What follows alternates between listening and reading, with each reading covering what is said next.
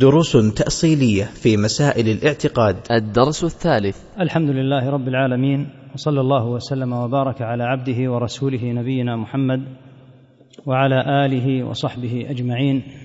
أما بعد فكنت قلت بالأمس إن الإخوة الذين يسألون عن شرح العقيدة الطحاوية تحققنا من الموقع الذي يوجد عليه الشرح موقع يسمى البث الإسلامي. موقع البث الإسلامي. فهذا تجد عليه إن شاء الله شرح الطحاوية. بدأ من الدرس الثاني إلى نهاية الدروس إن شاء الله. تكلمنا بالأمس عن مسلك أهل السنة رحمهم الله تعالى مع النصوص وقلنا إن هذا المسلك لأهل السنة هو الأمر الذي فارقوا به جميع الطوائف بدون استثناء كما سيأتي إن شاء الله أنه يختلف معهم في هذه أهل البدع جميعا. لأن الإنسان إذا كان صاحب بدعة فإنه لم يكن ذا بدعة عقدية إلا لأنه خالف النص فترك شيئا من النصوص بسبب هوى من الأهواء ولهذا أيضا يسمون أهل الأهواء وهم عند السلف الذين يقدمون أهواءهم على النصوص. قلنا إن الفرق المنهجي هذا أساسه الكبير أن بين أهل السنة وبين هذه الطوائف جميعا اختلافا في البدء نقطة البدء والانطلاق عند أهل السنة هي النص. وبعد ذلك يبنون الأقوال. أما من سواهم فإنهم يأتون مشبعين بأقوال مسبقة.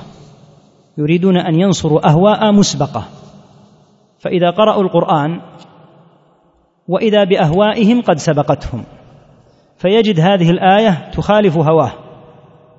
فلأن هواه مقدم على النص يبدأ في تغيير معنى النص حتى يثبت له هواه.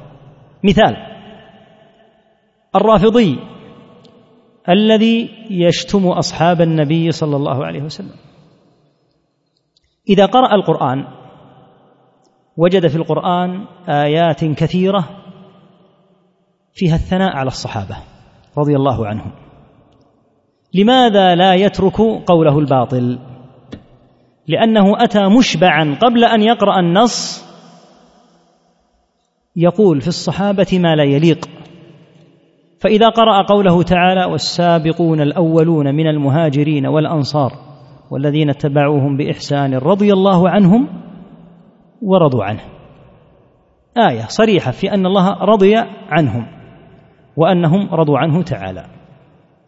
والآية الأخرى العظيمة لا يستوي منكم من أنفق من قبل الفتح وقاتل أولئك أعظم درجة من الذين أنفقوا من بعد وقاتلوا وكلا وعد الله الحسنى. نصوص واضحة صريحة بأن الله وعدهم كلهم الحسنى.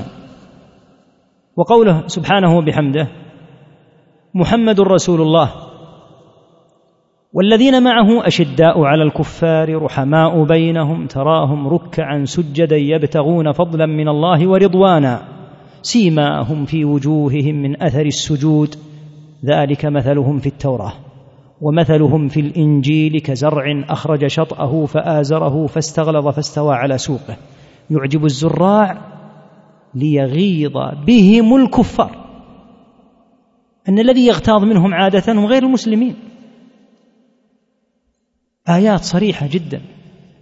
وقوله تعالى للفقراء المهاجرين الذين أخرجوا من ديارهم وأموالهم ماذا يريدون؟ يبتغون فضلا من الله ورضوانا وينصرون الله ورسوله أولئك هم الصادقون. والذين تبوأوا الدار والإيمان من قبلهم يحبون من هاجر إليهم ولا يجدون في صدورهم حاجة مما أوتوا ويؤثرون على أنفسهم ولو كان بهم خصاصة. ومن يوق شح نفسه فأولئك هم المفلحون. في الآية الأولى بين أن المهاجرين هم الصادقون. وفي الثانية بين أن الأنصار مفلحون. ما الذي يجعل الرافضي لا يتوب ويترك قوله الباطل في الصحابة؟ أنه أتى لا ليستدل بالقرآن على الحق. وليقول أين طريق الحق في كتاب الله؟ وإنما أتى وهو العياذ بالله. قد امتلأ قلبه بالحقد على خيار هذه الأمة أبي بكر وعمر وعثمان وبقية العشرة والمهاجرين والأنصار رضي الله عنهم قلبه مليء بالحقد. فمهما قرأ من هذه الآيات لا يستفيد عياذا بالله. لماذا؟ لأنه قد أشبع قلبه مسبقا بالقول السيء في الصحابة. فمهما قرأ من الآيات فإنه لا ينتفع بها. وهذا مثل ما قلنا الفرق الكبير بين أهل السنة وبين أهل الأهواء. أهل السنة لما رأوا النصوص في الصحابة مثل ما قرأنا ونصوصا أخرى على هذا النحو أخذوا أن الصحابة رضي الله تعالى عنهم عدول بشهادة الله لهم. وكفى بالله شهيدا. فإذا قيل لهم ما تقولون في الصحابة قالوا نقول في الصحابة ما في القرآن. رضي الله عنهم ورضوا عنه وكلا وعد الله الحسنى أولئك هم الصادقون ومن يوق شح نفسه فأولئك هم المفلحون. هذا الذي وجدنا في القرآن. فإذا وجدنا هذا في القرآن قلنا به.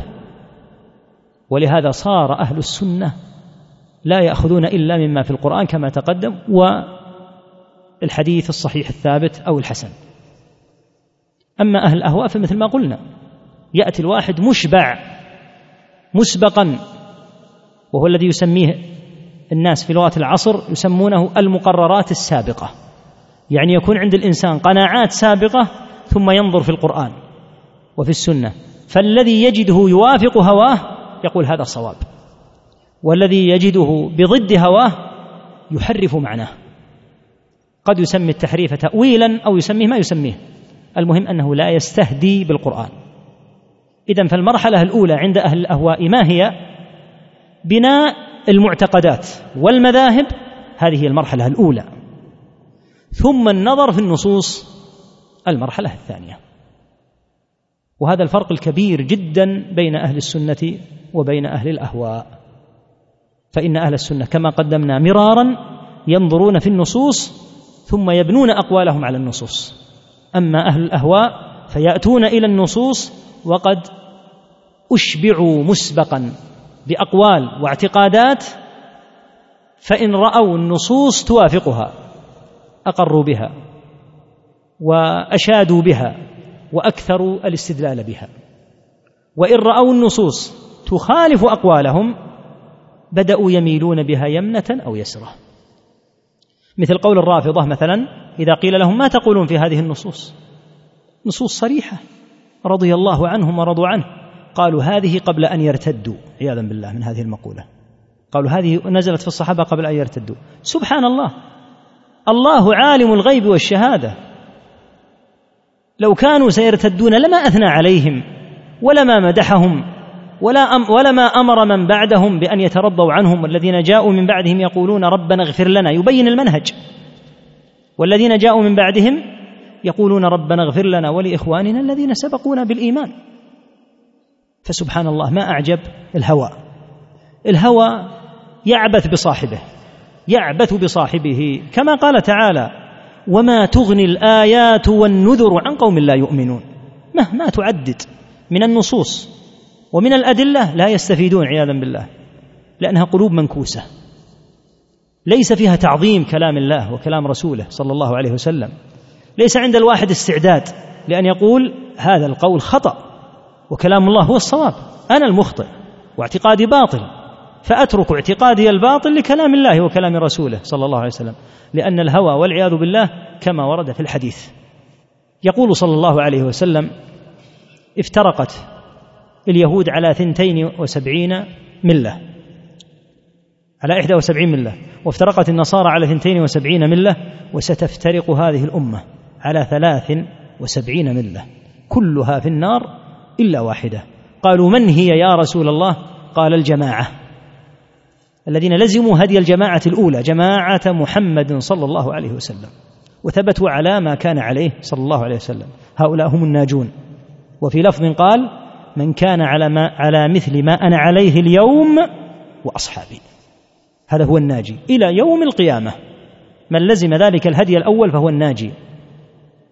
وفي لفظ قال وهذا هو الشاهد وإنه سيخرج في هذه الأمة أقوام تتجارى بهم أهواؤهم كما يتجارى الكلب ليس الكلب الكلب بصاحبه. لا يذر منه عرقا ولا مفصلا إلا دخل فيه. شبه صلى الله عليه وسلم الهوى في هذه الطوائف بحال الذي أصيب بما يسمى بداء الكلب وهو ينشأ من عضة الكلب المسعور فيكون له ضرر شديد على الجسم. حتى إنه ينتشر في سائر الجسم لا يبقى عرق ولا مفصل إلا دخل فيه. قال فكذلك هؤلاء في هواهم. الهوى قد أشربوه والعياذ بالله. اشرابا كما قال تعالى في بني إسرائيل وأشربوا في قلوبهم العجل بكفرهم. مع أنه هوى ومع أنه مخالف للنصوص إلا أنهم مصرون عليه ثابتون عليه. عياذا بالله من حال أهل الضلال والزيغ. فهذا هو الفرق العظيم بين أهل السنة وبين طوائف أهل الأهواء أنهم يقدمون أهواءهم وآراءهم وما عندهم من قواعد مسبقة على النصوص. هنا لا بد أن تصطدم هذه القواعد والأهواء بالنصوص لزاما لأن هذه القواعد وهذه النصوص ناشئة عن هوى. والله تعالى يقول ولو اتبع الحق أهواءهم لفسدت السماوات والأرض ومن فيهن. الحق هنا ما المراد به؟ من أهل التفسير من قال قوله تعالى ولو اتبع الحق أي الله ولو اتبع الله أهواءهم لفسدت السماوات والأرض ومن فيهن.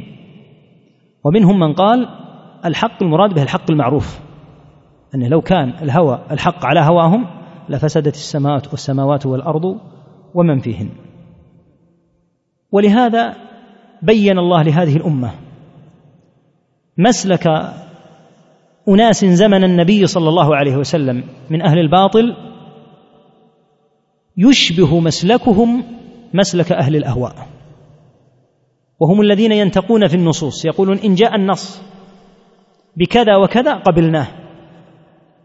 أما إن لم يجئ بما نريد فإنا نرده. وهذا في قوله تعالى عن اليهود. يقولون إن أوتيتم هذا فخذوه. وإن لم تؤتوه فاحذروا. انظر كيف التفريق في النصوص. يقول إذا جاءت النصوص على ما تريدون وعلى ما تشتهون خذوا النص. أما إذا لم يأتي على ما تريد فاحذره. هذه الآية يبينها سبب نزولها. فقد ثبت أن يهوديين زنيا وقت النبي صلى الله عليه وسلم.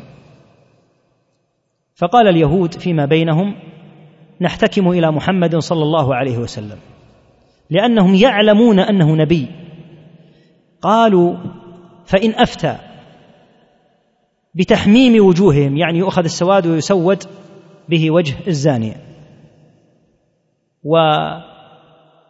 والطواف بهم وفضيحتهم أخذناه وقبلناه وإن أفتى بالرجم لم نقبله. لأن الرجم هو حكم التوراة كما أنه حكم القرآن.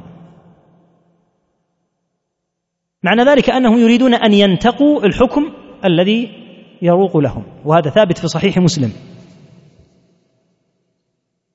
ويقول صاحب زاد المسير تفسير الآية بهذا هو قول جمهور المفسرين.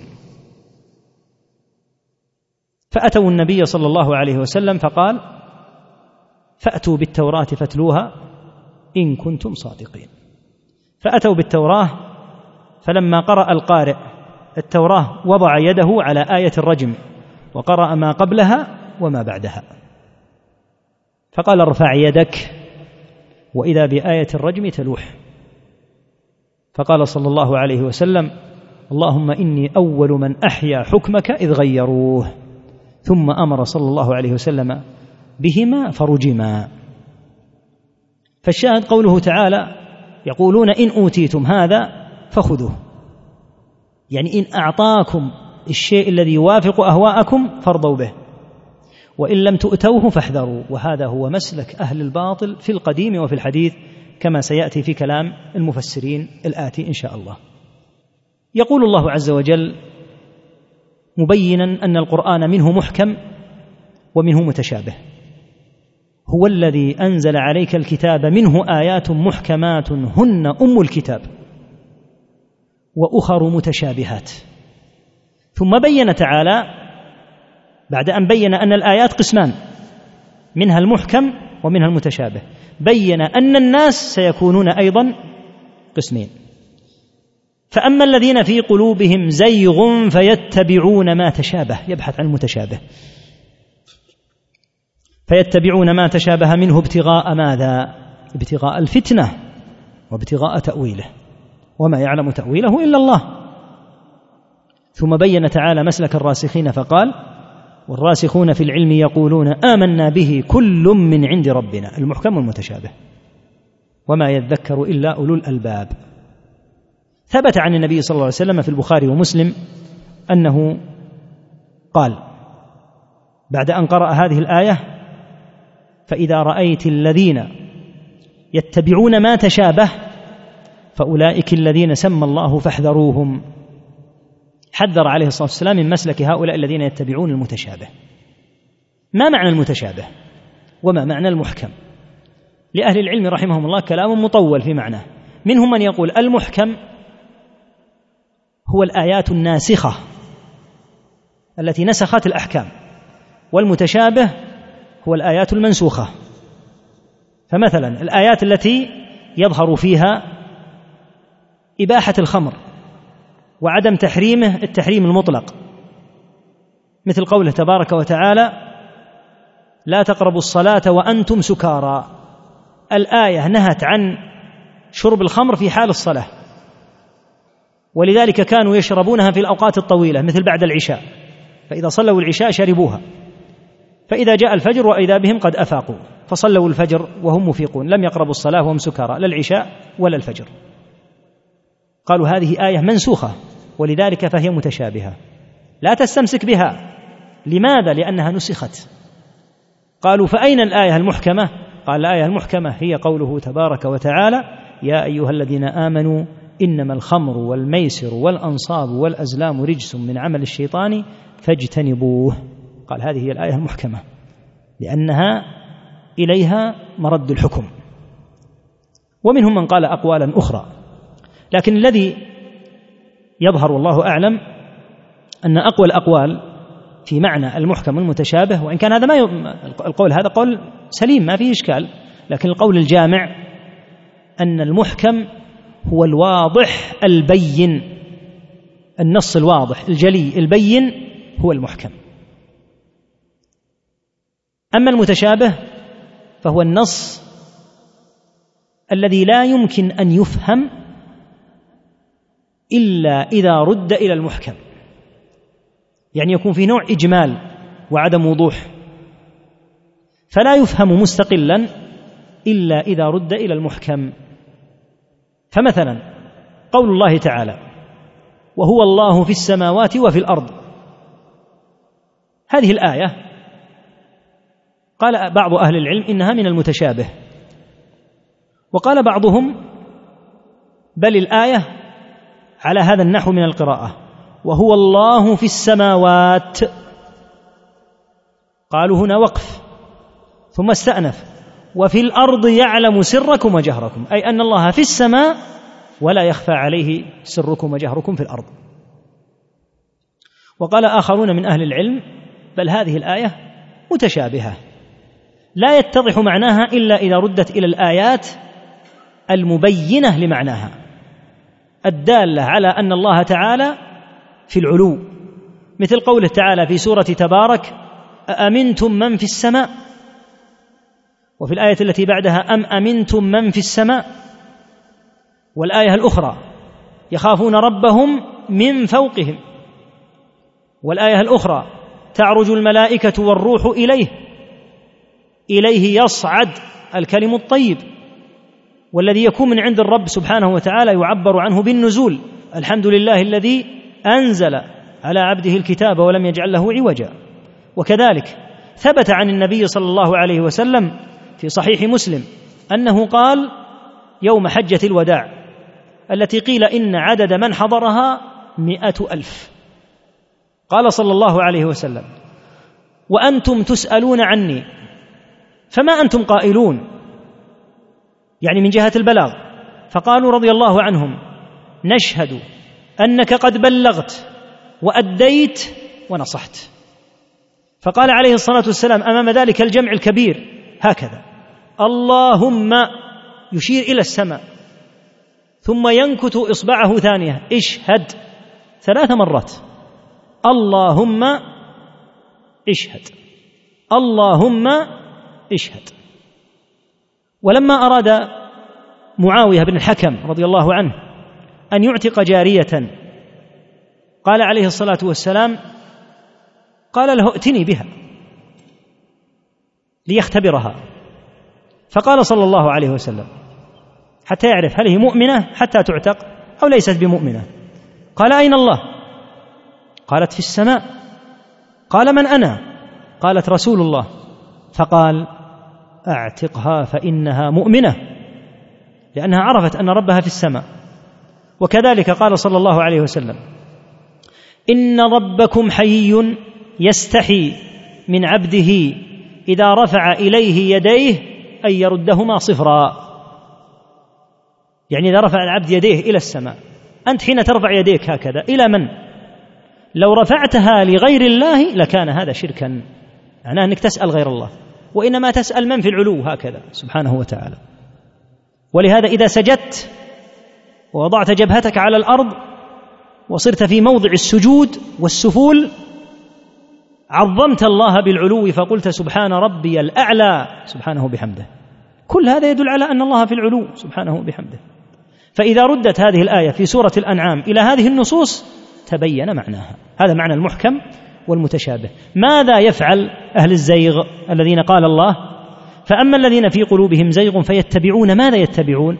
يتبعون ما تشابه. ويتركون المحكم البين الجلي. ما السبب؟ السبب اسمعه في كلام الإمام ابن جرير رحمه الله تعالى. يقول ابن جرير رحمه الله تعالى بعد أن ذكر الآية وذكر الحديث الذي سقناه في المجلد الثالث صفحة 118 من تفسيره. قوله تعالى وأما الذين في قلوبهم زيغ فيتبعون ما تشابه يقول ما تشابهت ألفاظه وتصرفت معانيه يكون معناه محتمل لأكثر من معنى يكون لفظه محتمل لأكثر من معنى. ليحققوا ما هم عليه من الضلالة. قصدهم باتباع المتشابه هذا أن يحققوا ما هم عليه من الضلال حتى يجدوا في المتشابه ما يزعمون أنه يشهد لقولهم الباطل. ثم روى بسنده عن محمد بن جعفر ابن الزبير في قوله وأما الذين في قلوبهم زيغ فيتبعون ما تشابه منه ابتغاء الفتنة وابتغاء تأويله قال ليصدقوا به يعني بهذا المتشابه ما ابتدعوا ليكون لهم ليكون لهم على ما حجة ليكون حجة لهم على ما قالوا وشبهة يعني حتى يحتجوا به على ما قالوا. فيذهبون إلى الشيء غير الواضح ويتركون الجلي البين.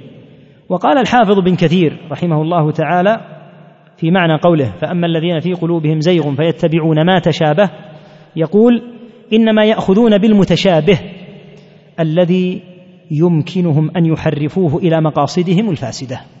لماذا؟ لأن لفظه محتمل وينزلوه عليها لاحتمال لفظه لما يصرفونه.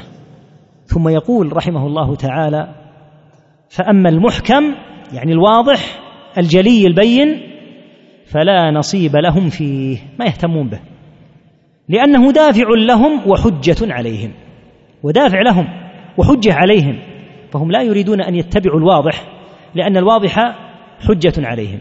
فيذهبون إلى الأمر غير الواضح إلى النص غير الواضح حتى يستشهدوا به على باطلهم عياذا بالله. ومن هنا عرفت أن أهل الزيغ هم الذين يبحثون عن الأحاديث الموضوعة والمكذوبة. يقال هذا حديث مكذوب على النبي صلى الله عليه وسلم. فيه راو زنديق مثل محمد بن سعيد المصلوب قتل على الزندقة. كيف تحتج بحديثه؟ لماذا يحتج بحديثه؟ لأنه وجد في كلام هذا الكذاب على رسول الله صلى الله عليه وسلم وجد فيه هوى فقط وهو لا يريد الحق هو يريد اتباع هواه. ثم يأتي إلى نص يحتمل فيذهب إلى هذا النص المحتمل ويحتج به. فيقال له لماذا تحتج بهذا النص المحتمل؟ وتترك النصوص البينة. السبب هو هذا. ابتغاء الفتنة كما قال تعالى. فأما الذين في قلوبهم زيغ فيتبعون ما تشابه منه ابتغاء الفتنة. من قال إنه يريد الحق؟ هو. أو يريد الصواب؟ هو لا يريده عياذا بالله لأن الصاحب هوى. وقد حكم الله عليه بقوله فأما الذين في قلوبهم زيغ فيتبعون ما تشابه منه ابتغاء الفتنة وابتغاء تأويله. فهذا هو مسلك أهل الأهواء. فإن قلت المتشابه هل يمكن أن يعرف؟ نقول نعم يمكن أن يعرف. يعرف المتشابه إذا رد معناه إلى المحكم. إذا رد معنى المتشابه إلى المحكم تبين المتشابه. وبالتالي لا يكون في هذه الحالة عندك أي متشابه. إذا أخذت النص المتشابه المحتمل وعرضته على النص الواضح الجلي تبين لك النص المتشابه بدلالة النص المحكم. وبذلك يكون القرآن لديك يكون القرآن كله محكما كله واضح. بشرط أن تسلك هذا المسلك. وأن تعتقد أنه جميعا من عند الله كما قال تعالى والراسخون في العلم يقولون آمنا به كل من عند ربنا فنؤمن بالمحكم المتشابه كله. لكن نفهم المتشابه من خلال إرجاع معناه إلى المحكم وبذلك يتضح معناه. هذا المسلك نبه ابن كثير وابن جرير وابن سعدي والشوكاني وغيرهم رحمهم الله إلى أنه هو مسلك أهل الأهواء وأنه هو المراد في الآية. لقوله تعالى فأما الذين في قلوبهم زيغ فيتبعون ما تشابه منه ويذكرون عادة هذا الحديث عنده. قوله صلى الله عليه وسلم إذا رأيت الذين يتبعون ما تشابه منه فأولئك الذين سمى الله فاحذروهم. يحذر هؤلاء وينتبه لمسلكهم الخبيث لأنهم لا يريدون الحق. وقد تفطن السلف الصالح رحمهم الله لهذا المسلك مسلك أهل الأهواء الذين يأتون ليؤسسوا دينا مبتدعا. ليس عليه دليل ويريدون أن يجعلوا النصوص تابعة له. ومن الذين تكلموا في هذا الإمام الجليل إبراهيم النخعي رحمه الله تعالى. فقد روى أبو نعيم في الحلية في المجلد الرابع في الصحيفة 223 والهروي في ذم الكلام في المجلد الرابع في الصحيفة الثالثة بعد المئة. صفحة 103 أن إبراهيم رحمه الله النخعي لما كثرت المقالات والأهواء في الكوفة من مقالات المبتدعة سئل عن ذلك فقال دققوا قولا دققوا قولا واخترعوا دينا من قبل أنفسهم. هم الذين اخترعوه. ليس من كتاب الله ولا من سنة رسول الله صلى الله عليه وسلم فقالوا هذا هو الحق وما خالفه باطل. يعني أنهم أتوا بشيء مبتدع لا أساس له لا في القرآن ولا في السنة. ثم مع ذلك تعصبوا له وقالوا هذا هو الحق وما خالف هذا الذي نحن عليه فهو الباطل. وهذه مقولة قديمة أن إبراهيم النخعي رحمه الله من قدماء السلف. وأقدم منه الحسن البصري رحمه الله تعالى. نبه إلى مسلك أهل الأهواء هؤلاء الذين يأتون إلى النصوص وقد أشبعوا بالباطل قبلها. فروى المقدسي رحمه الله في كتاب الحجة على تارك المحجة. كتاب الحجة على تارك المحجة. خرج أخيرا في المجلد الثاني صفحة 520 قال الحسن رحمه الله البصري إن المؤمن يأخذ دينه عن ربه عز وجل. المؤمن يأخذ دينه عن ربه سبحانه وتعالى. من خلال الوحي نصوص القرآن أو السنة. وإن المنافق نصب رأيه يعني الذي ابتدعه فاتخذه دينا.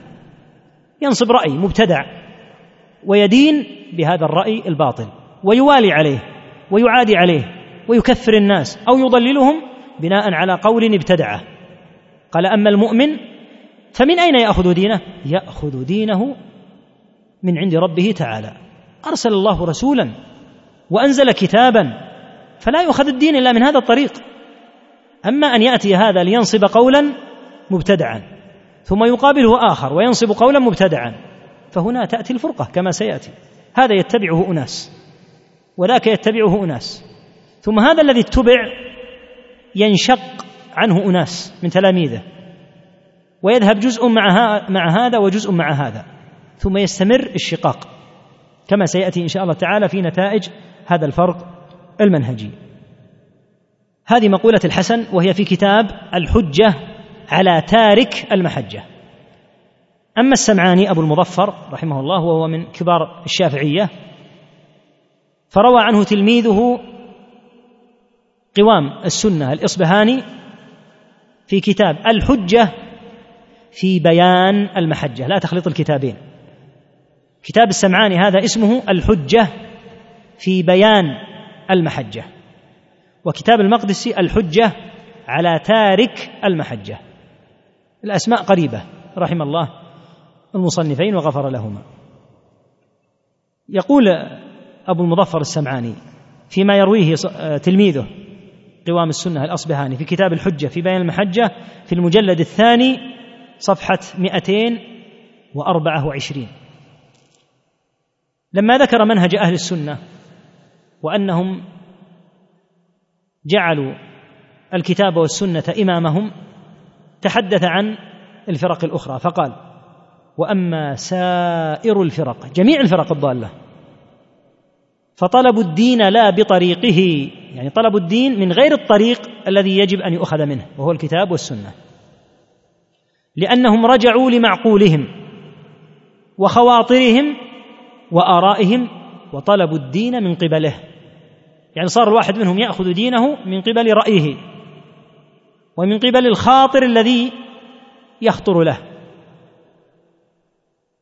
فإذا سمعوا شيئا من الكتاب والسنة لاحظ إذا سمعوا شيئا من الكتاب والسنة من كلام الله أو كلام رسوله صلى الله عليه وسلم عرضوه عرضوا القرآن والسنة على معيار عقولهم. فإن استقام ولم يصادم عقولهم قبلوه أو ردوه. هذا هو مسلكهم. الأقوال التي أنقلها في الغالب أني أختصرها لأنها مطولة. فإذا رجعت إليها في مضان مضانها ستجدها مبسوطة لكن أنا أحاول أن أختصرها. فإذا استقام القرآن والسنة ووافقهم قبلوه. أما إذا لم يستقم على أهوائهم وعلى آرائهم فإنهم والعياذ بالله يردونه ما النتائج التي ترتبت على هذا؟ يعني ما النتائج التي ترتبت على مسلك أهل السنة في تعاملهم هذا مع النص وعلى مسلك أهل الأهواء في تعاملهم مع النص؟ ترتب على هذا نتائج كبيرة جدا جدا. سنحاول أن نأخذ منها خمسا هذا اليوم وهي أكثر بكثير من هذه الخمس التي نذكر. فأول نتيجة ترتبت على مسلك أهل السنة وتعاملهم مع النص شدة اعتناء أهل السنة بالنصوص. رواية ودراية. يعني تجد أهل السنة شديدي الحرص على النصوص. رواية يعني بالسند. ودراية يعني فهما لمعناها. لماذا؟ لأنها هي أصل أهل السنة. هي الأصل الذي يرجعون إليه. وكل طائفة ترجع عادة إلى أصلها الذي تعتمده فتعتني به وتحاول أن تهتم به قدر ما تستطيع. ولهذا انظر الكتب الستة البخاري ومسلم وأبو داود والترمذي والنسائي وابن ماجه هذه الكتب لأهل السنة بحمد الله. ليس لأهل البدع فيها قول. ويرجع إليها أهل الإسلام في الأحكام. فتجد حتى المبتدع يقول هذا الحديث صحيح رواه البخاري وهو مبتدع. يرجع إلى البخاري رغما عنه. انظر إلى أئمة الإسلام الآخرين. الإمام أحمد في المسند روى ألوف الأحاديث. مالك في الموطأ. الشافعي رحمه الله تعالى في الأم الذي أفردت أحاديثه في مسند للشافعي خاص وهكذا أئمة الإسلام كالطبراني والدار قطني وأئمة الإسلام الأجلاء الكبار الآخرين الذين إلى الأمة المرجع إليهم في الأحكام. وما الذي روى النبي صلى الله عليه وسلم في هذا الباب؟ في باب العبادات في باب المعاملات في باب الأمور الغيبية يرجع إليهم الناس حتى أهل البدع سوى الرافضة طبعا الرافضة لا لا يرجعون لأن لهم آثار مكذوبة رضوها عن الأمة أما غيرهم فيرجعون إلى هذه المصادر.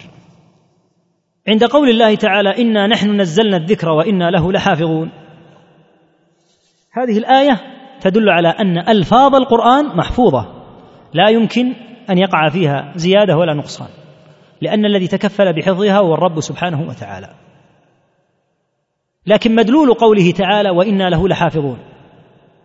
هل يشمل الألفاظ أو يشمل حتى المعاني؟ يقول ابن سعدي رحمه الله تعالى إن الآية تشمل حفظ المعاني الصحيحة. بأن تبقى معاني هذه الألفاظ سليمة من التحريف. فلا يحرف أحد المعنى إلا ويقيض الله عز وجل له من أهل الحق من يبين باطله. قال هذا مأخوذ من قوله وإنا له لحافظون. يقول فيشمل قوله وإنا له لحافظون اللفظ والمعنى لأنه لو بقيت الألفاظ وحرفت معانيها وسرت المعاني المحرفة ما استفيد من حفظ الألفاظ حتى تحفظ الألفاظ وتحفظ معانيها. ومن ضمن ذلك حفظ السنة. فقد اعتنى علماء الأمة الراسخون من أهل السنة والجماعة بأحاديث النبي صلى الله عليه وسلم.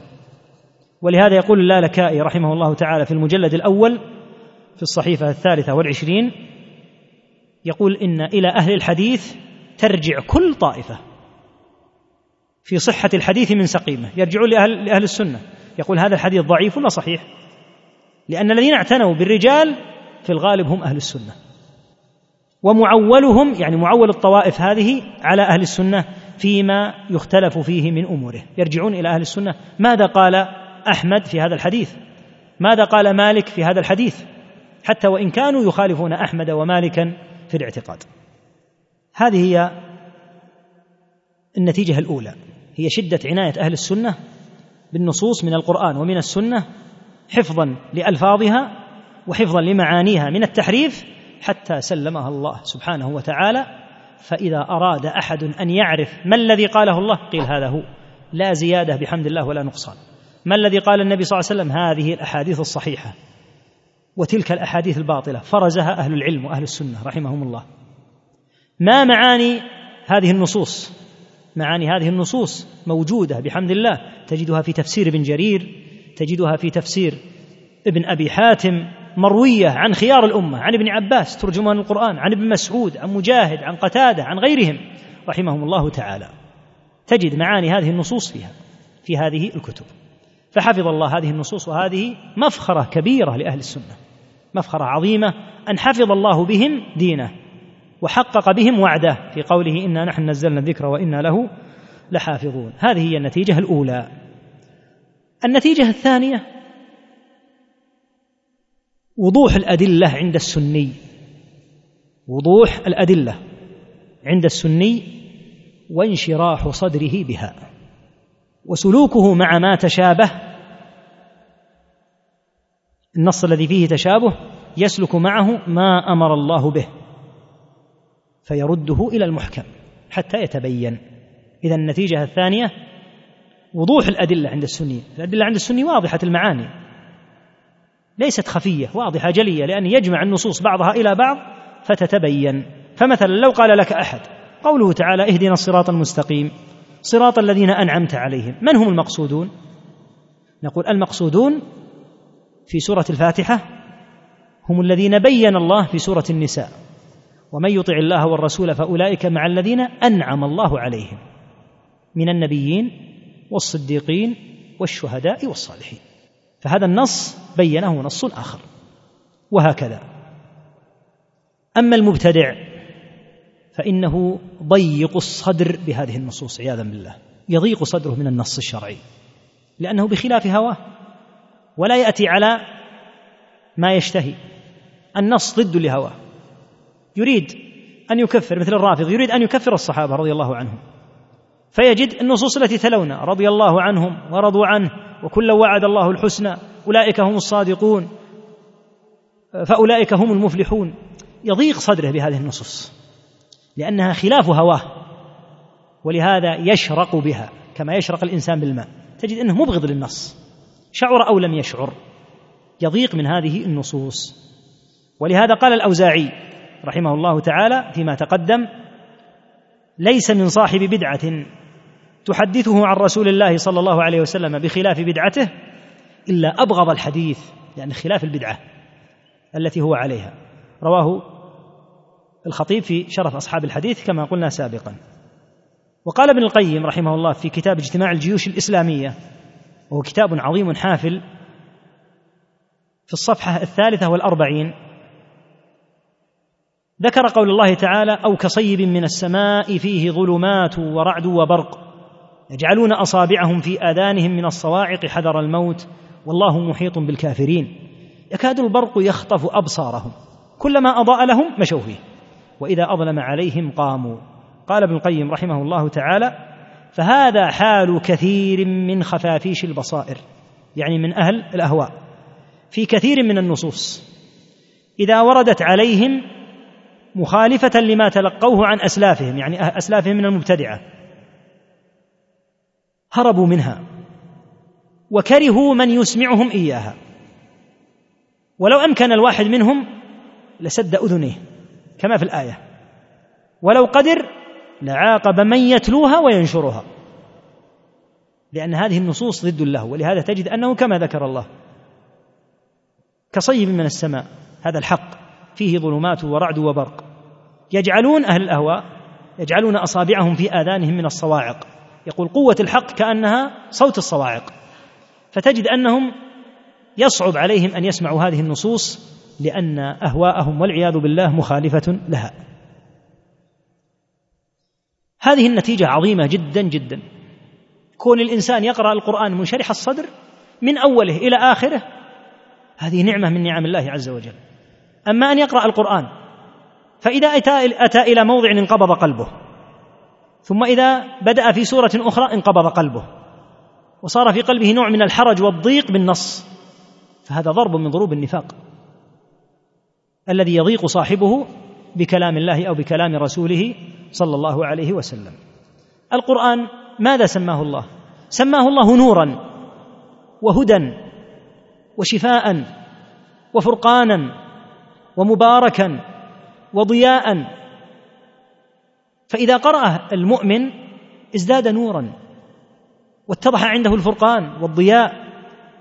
أما إذا كان ينقبض القلب منه فمعناه أنه ليس له ليس القرآن له نورا ولا ضياء.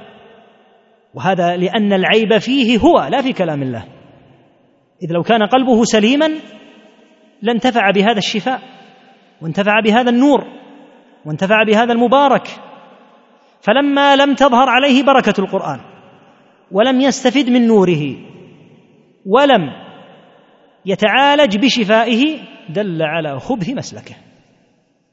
وإلا لو كان كأصحاب نبي الله صلى الله عليه وسلم كما قال تعالى هو الذي بعث في الأميين رسولا منهم يتلو عليهم آياته ويزكيهم. زكاهم الله طهرهم. بعد أن كانوا من أردأ الناس وأحطهم صاروا أخير الناس وأفضل الناس بعد الأنبياء. الذي طهر الصحابة هو القرآن والسنة. فمن جاء بعدهم ولم يتطهر بالقرآن ولم يكن القرآن له شفاء فليس الإشكال في القرآن. لا والله الإشكال فيه هو لأنه من أهل الباطل الذين قال الله وما تغني الآيات والنذر عن قوم لا يؤمنون. يقول ابن تيمية رحمه الله تعالى في وصف هؤلاء هذا موضع نسينا أن نذكره المفترقة من أهل الضلال يعني أهل الأهواء. تجعل لها أصول دين ابتدعوه برأيهم ثم يعرضون على ذلك القرآن والحديث. فإن وافقه احتجوا به اعتضادا من باب الاعتضاد لا من باب الاعتماد عليه لا إنما من باب الاستئناس به. وإن خالفه يعني خالف القرآن أهواءهم فتارة يحرفون الكلم ويتأولونها على غير ويتأولونه على غير تأويله وتارة يعرضون عنه ويقولون نفوض معناه. ولابن القيم رحمه الله تعالى في نونيته أبيات شائقة جدا في وصف حال أهل الضلال هؤلاء. عند ذكره مسألة دوام فعل الرب يقول رحمه الله فلئن سألت وقلت ما هذا الذي؟ أداهم لخلاف ذا التبيان ولأي شيء لم يقولوا إنه سبحانه هو دائم الإحسان. فاعلم بأن القوم لما أسسوا أصل الكلام يعني البدعة المسمات ببدعة المتكلمين فاعلم بأن القوم لما أسسوا أصل الكلام عموا عن القرآن وعن الحديث وموجب وعن الحديث فاعلم بأن القوم لما أسسوا أصل الكلام عموا عن القرآن وعن الحديث ومقتضى المعقول بل عن فطرة الرحمن والبرهان. وبنوا قواعدهم هذا الشاهد لقول إنهم يبنون القواعد قبل أن ينظروا في النصوص. وبنوا قواعدهم عليه فقادهم قسرا إلى التعطيل والبطلان. لأن يبنون القواعد قبل أن ينظروا في النصوص. ولهذا لما كان هذا الوصف هو وصف جميع المبتدعة بدون استثناء قال ابن جرير رحمه الله تعالى عند الآية قوله تعالى وأما الذين فأما الذين في قلوبهم زيغ فيتبعون ما تشابه قال ابن جرير رحمه الله يعنى بهذه الآية كل مبتدع في دين الله من أهل النصرانية أو اليهودية أو كان سبئيا يعني أصحاب عبد الله بن سبأ قدماء الرافضة أو قدريا أو حروريا يعني أو خارجية أو ايا كان أي مبتدع يشمله هذا. قوله تعالى فأما الذين في قلوبهم زيغ فيتبعون ما تشابه. وذكر وهذا الكلام كلام ابن تيمية الأول قوله المفترقة من أهل الضلال تجعل لها أصول دين هذا في المجلد الثالث عشر في الصحيفة 142 وقال في المجلد السابع عشر في صفحة 355 هذه الطريق يعني طريقة التعامل السيئة مع النص يشترك فيها جميع أهل البدع الكبار والصغار. يجمعهم هذا الأمر وهو أنهم والعياذ بالله كلهم على هذا الحال السيء. يجتمعون فيه أنهم يقدمون أهواءهم على النصوص سواء كانت بدعتهم كبيرة أو صغيرة. نعود إلى النتائج. ذكرنا نتيجتين النتيجة الأولى شدة عناية أهل السنة بالنصوص والنتيجة الثانية انشراح صدر السني بالنص وعكس ذلك فيما يتعلق بالمبتدع تأتيك النتيجة الثالثة وهي أنك إذا دققت فيما عند أهل الأهواء من الحق. أهل الأهواء يكون عند عندهم بعض الحق. إذا دققت فيما عندهم من الحق وجدته مخلوطا بالباطل. ماذا يفعلون؟ يلبسون الحق بالباطل. فإذا محضت هذا الحق قلت سانظر في الحق الذي عليه المعتزلة وأجعله على جهة. وأجمع الحق الذي عند الخوارج وأجمعه على جهة. وأجمع الحق الذي عند الأشاعرة كذلك. الحق الذي عند الماتريدية كذلك. وأنظر في مجموع هذا الحق. ماذا ستجد؟ ستجد أن الحق عند كل طائفة مأخوذ من النصوص. فالحق الذي عندهم أخذوه من النصوص. كما قال ابن القيم رحمه الله في النونية أيضا يقول واسمع نصيحة من له خبر بما. عند الورى من كثرة الجولان ما عندهم والله خير غير ما أخذوه عمن جاء بالقرآن. يقول ما عندهم خير إلا الذي أخذ عن النبي صلى الله عليه وسلم. والكل بعد يعني الذي بعده والكل بعد فبدعة أو فرية أو بحث تشكيك ورأي فلان. الذي عنده من الحق تجد أنه قد أخذ من النصوص. وبالتالي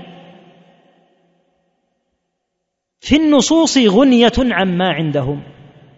إذا كان الحق الذي عند الخوارج ليكن نسبته المئوية ما كان لكنه يرجع إلى النصوص.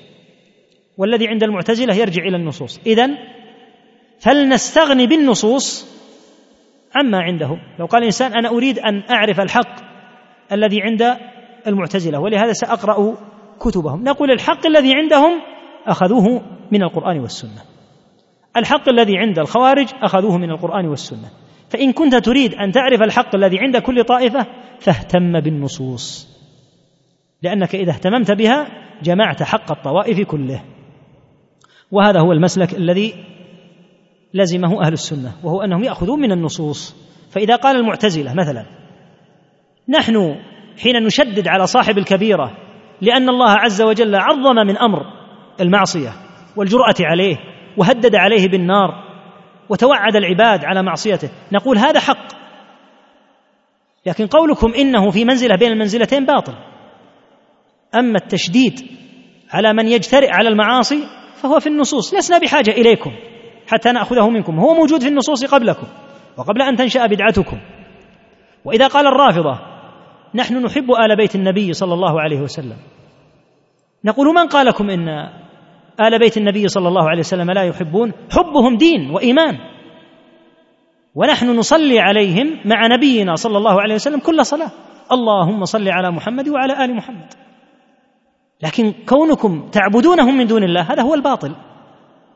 كونكم تحتجون بقوله تعالى إنما يريد الله ليذهب عنكم الرجس أهل البيت ويطهركم تطهيرا. نقول هذا حق في القرآن. لكن كونكم تبالغون وتزيدون حتى تصلوا إلى حد عبادتهم إلى حد السجود لهم إلى حد دعائهم من دون الله. هذا باطل ليس في النصوص. أما حبهم فندين الله بحبهم. كما نحب الصحابة أيضا. فكما اننا نحب آل بيت النبي صلى الله عليه وسلم نحب أصحابه لأن النصوص دلت على هذا وعلى هذا. فلماذا تركتم حب الصحابة وهو في النصوص وادعيتم حب آل البيت لأنه في النصوص؟ كلها في النصوص. فنحن نأخذ ما في النصوص سواء قلتم به أو لم تقولوا. فإذا جمعت ما في النصوص اجتمع الحق كله عندك. هذه النتيجة الثالثة. النتيجة الرابعة هي سلامة أهل السنة من أي انتماء باطل. أهل السنة لا ينتمون إلا للقرآن والسنة. فلهذا لا تجد أنهم ينتسبون إلى فرقة ضالة. فمن أعظم النتائج التي ترتبت على عناية أهل السنة بالنصوص هي سلامتهم من الانتماء من الانتماءات الباطلة. فإذا كان المعتزل يقول أنا أنتمي لتيار الاعتزال والجهمي يقول أنا أنتمي لتيار التجهم والرافضي يقول أنا أنتمي لتيار الرفض. والخارجي يقول أنا أنتمي لتيار الخروج فالسني يقول أنا أنتمي لله ولرسوله صلى الله عليه وسلم لكتاب الله ولسنة رسول الله صلى الله عليه وسلم ولا أرضى بديلا بهذه النسبة مهما كان الحال إنما أنتمي للنصوص. ولأهل العلم رحمهم الله في هذا مقولات مهمة جدا يحسن بطالب العلم أن يعتني بها ويهتم بها ولهذا حاولت أن أورد منها عددا والظاهر أن سنختم بها إن شاء الله حتى لا نطيل ونبدأ إن شاء الله من الغد في شرح الكلام في مسائل الاعتقاد. نريد أن نخصصها إن شاء الله تعالى الأيام القادمة لشرح مسائل الاعتقاد حتى يكون لدينا وضوح في المنهج ووضوح في المسائل الاعتقادية معا إن شاء الله. فمن النماذج على سلامة أهل السنة من الانتماء لغير الكتاب والسنة ما رواه اللالكائي في المجلد الأول صفحة خمس وستين عن أبي بكر بن عياش رحمه الله وغفر له سأله رجل فقال من هو السني؟ السني هذا من هو؟ فقال رحمه الله تعالى أهل السنة الذين ليس لهم لقب يعرفون به. أهل السنة الذين ليس لهم لقب ما لهم أسماء. ما اسمهم؟ اسمهم أهل السنة. لا يرتضون بغير الانتساب للسنة وللإسلام بديلا. فأهل السنة هم الذين ليس لهم لقب. ما لهم حزب ما لهم طائفة ما لهم تيار.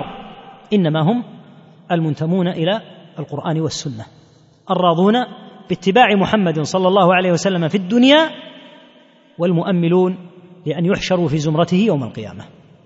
ولهذا قالوا نحن نلزم هذا المنهج ولا نرتضي به بديلا بالانتماء إلى أي شيء سواه. وقال الإمام مالك هذا الإمام المسدد الموفق رحمه الله له عدة مقولات عقدية ومنهجية فيها من الحكمة والعلم والبصيرة الشيء الكثير. سئل رحمه الله تعالى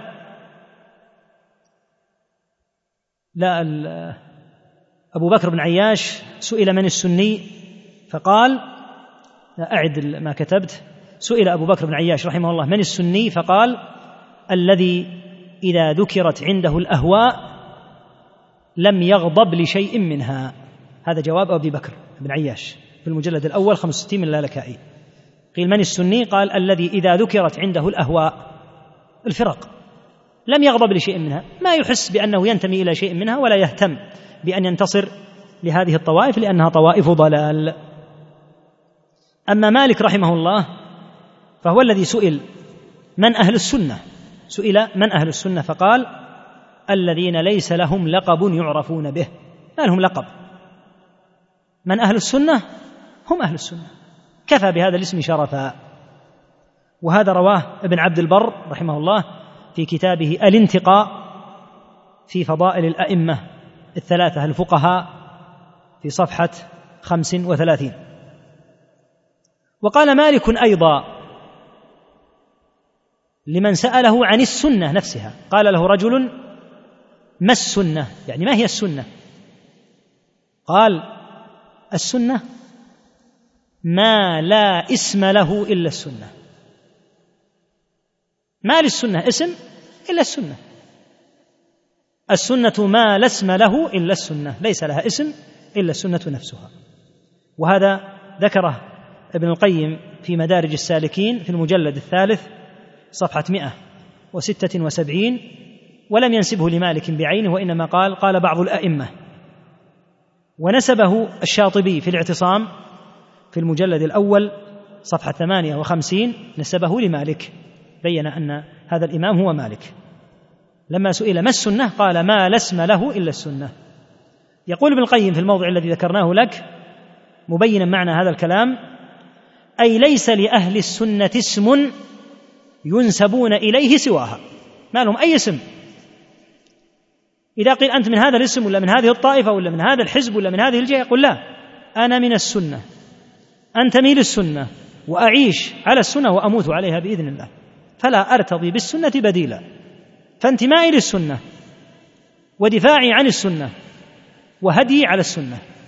هذا معنى كلام مالك. ولهذا حذر أهل العلم رحمهم الله من الانتماءات الباطلة. أي انتماء لا يصلح إلا إذا كان للإسلام أو للسنة. فقال ميمون ابن مهران رحمه الله تعالى كما روى أبو نعيم في الحلية في المجلد الرابع صفحة اثنين وتسعين. يقول رحمه الله إياكم وكل هوى يسمى بغير الإسلام. كل هوى سمي باسم اعتزال تجهم رفض خوارج يقول إياكم وهذا الهوى. لا ترتضوا إلا اسما واحدا هو اسم الإسلام واسم السنة. وقال وقال ابن بطة الحنبلي رحمه الله في كتابه الشرح والإبانة في صفحة ثلاثمائة وثمان وستين يقول رحمه الله من السنة وتمام الإيمان وكماله البراءة من كل اسم خالف السنة. كل اسم يخالف السنة فمن تمام الإيمان أن تتبرأ منه. لأن ليس لك أن تنتمي إلى إلا إلى السنة. ولا عجب ولا غرابة من أن يقف أهل العلم هذا الموقف من هذه الانتماءات التي جدت في المسلمين وفرقت شملهم وهم يسمعون النبي صلى الله عليه وسلم يقول هذا الحديث العظيم الذي حكم عليه بالصحة غير واحد من أهل العلم. يقول صلى الله عليه وسلم فادعوا المسلمين بأسمائهم.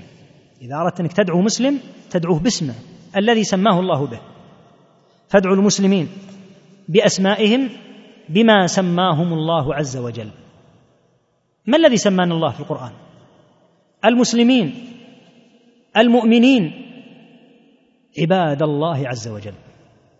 لتكن التسمية بين المسلمين باسم الإسلام النقي الطاهر. الذي كان على عهد رسول الله صلى الله عليه وسلم. فإذا قيل للإنسان إلى أي شيء تنتمي؟ فليقل إني أنتمي إلى الإسلام وإلى السنة ولا أرتضي بديلا. مع هذا الحديث العظيم. فادعوا المسلمين إذا أردتم أن تدعوهم. فادعوهم بأسمائهم التي سماهم الله بما سماهم الله عز وجل المسلمين المؤمنين عباد الله عز وجل. وهذا يعني أنه ليس لأحد أن ينشئ فرقة ويقيم بدعة لأنه في هذه الحالة سيسمى ببدعته. فيقال هذا رافضي هذا خارجي هذا معتزلي هذا جهمي هذا مرجئ فلا يسمى أهل الدين الواحد بالاسم الذي سماهم الله. لأن كل واحد صار يرتضي لنفسه اسما ولهذا ينبغي على أهل الإيمان الا يرتضوا باسم الإسلام بديلا ولا باسم السنة بديلا. نسأله تعالى أن يثبتنا وإياكم على الإسلام والسنة. هذا أخ يسأل عن رجل يدعى الجفري يستدل بالخرافات. لا تستغرب يا أخي لأنه من المخرفين هو من الصوفية الذين حادوا عن الطريق الصحيح في الزهد الذي كان عليه أصحاب النبي صلى الله عليه وسلم فهو من دعاة الباطل لا يستغرب عليه وعلى أمثاله.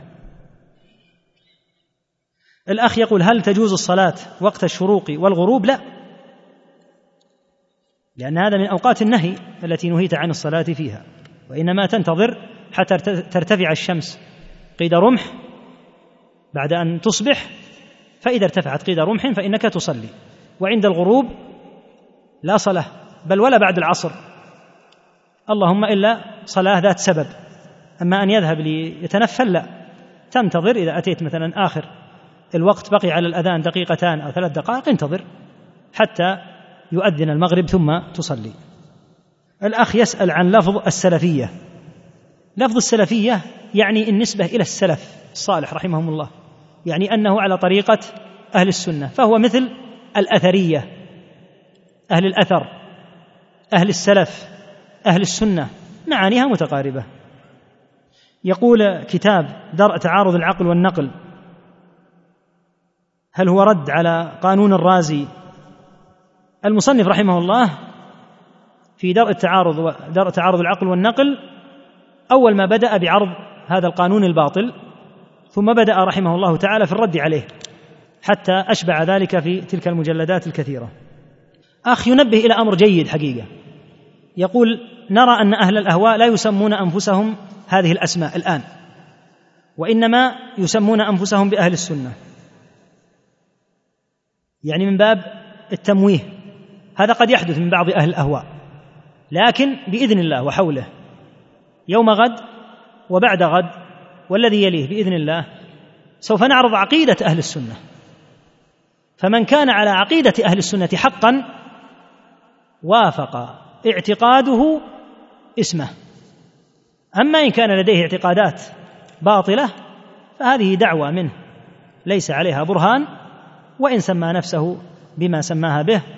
ونقف الآن حتى لا نطيل على الإخوة. والله أعلم وصلى الله وسلم على محمد وآله.